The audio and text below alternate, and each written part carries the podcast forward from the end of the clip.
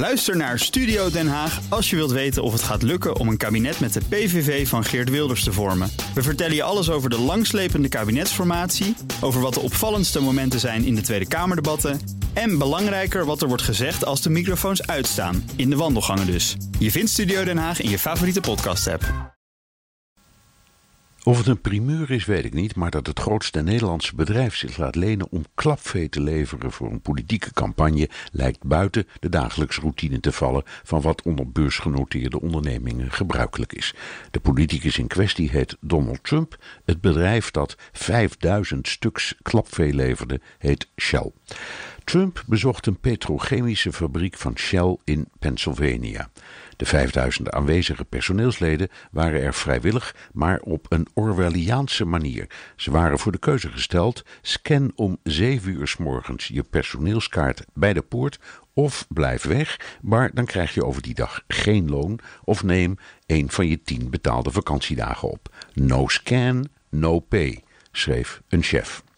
De instructies luiden verder: roepen, schreeuwen, protesteren of welke vorm van verzet dan ook zal niet worden getolereerd, want ju, het klapvee moest klappen.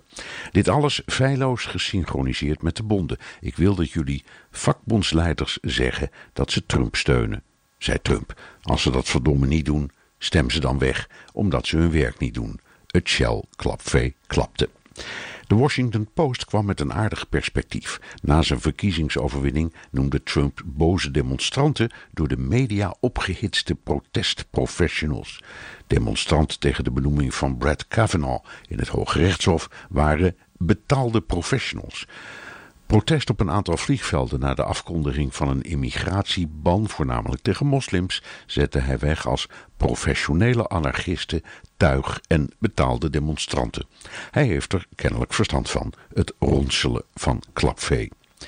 Natuurlijk vindt Shell dat het niets heeft misdreven. Fabriek in Pennsylvania nodigt regelmatig bekende mensen uit en dan wordt het personeel ook opgetrommeld.